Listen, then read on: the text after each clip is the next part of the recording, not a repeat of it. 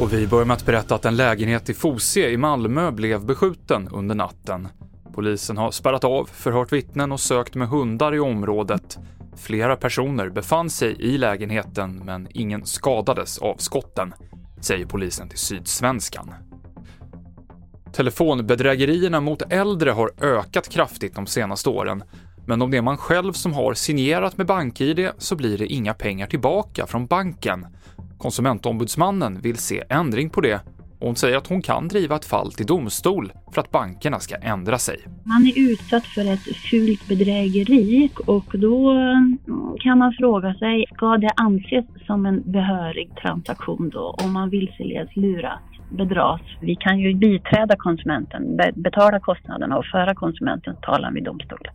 Det är också ett verktyg vi har som vi kan tillämpa i de här viktiga fallen.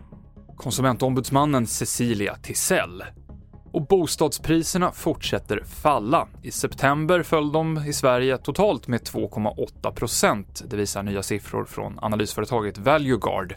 Villorna sjunker mer i pris än vad bostadsrätterna gör. TV4-nyheterna i studion Mikael Klintevall.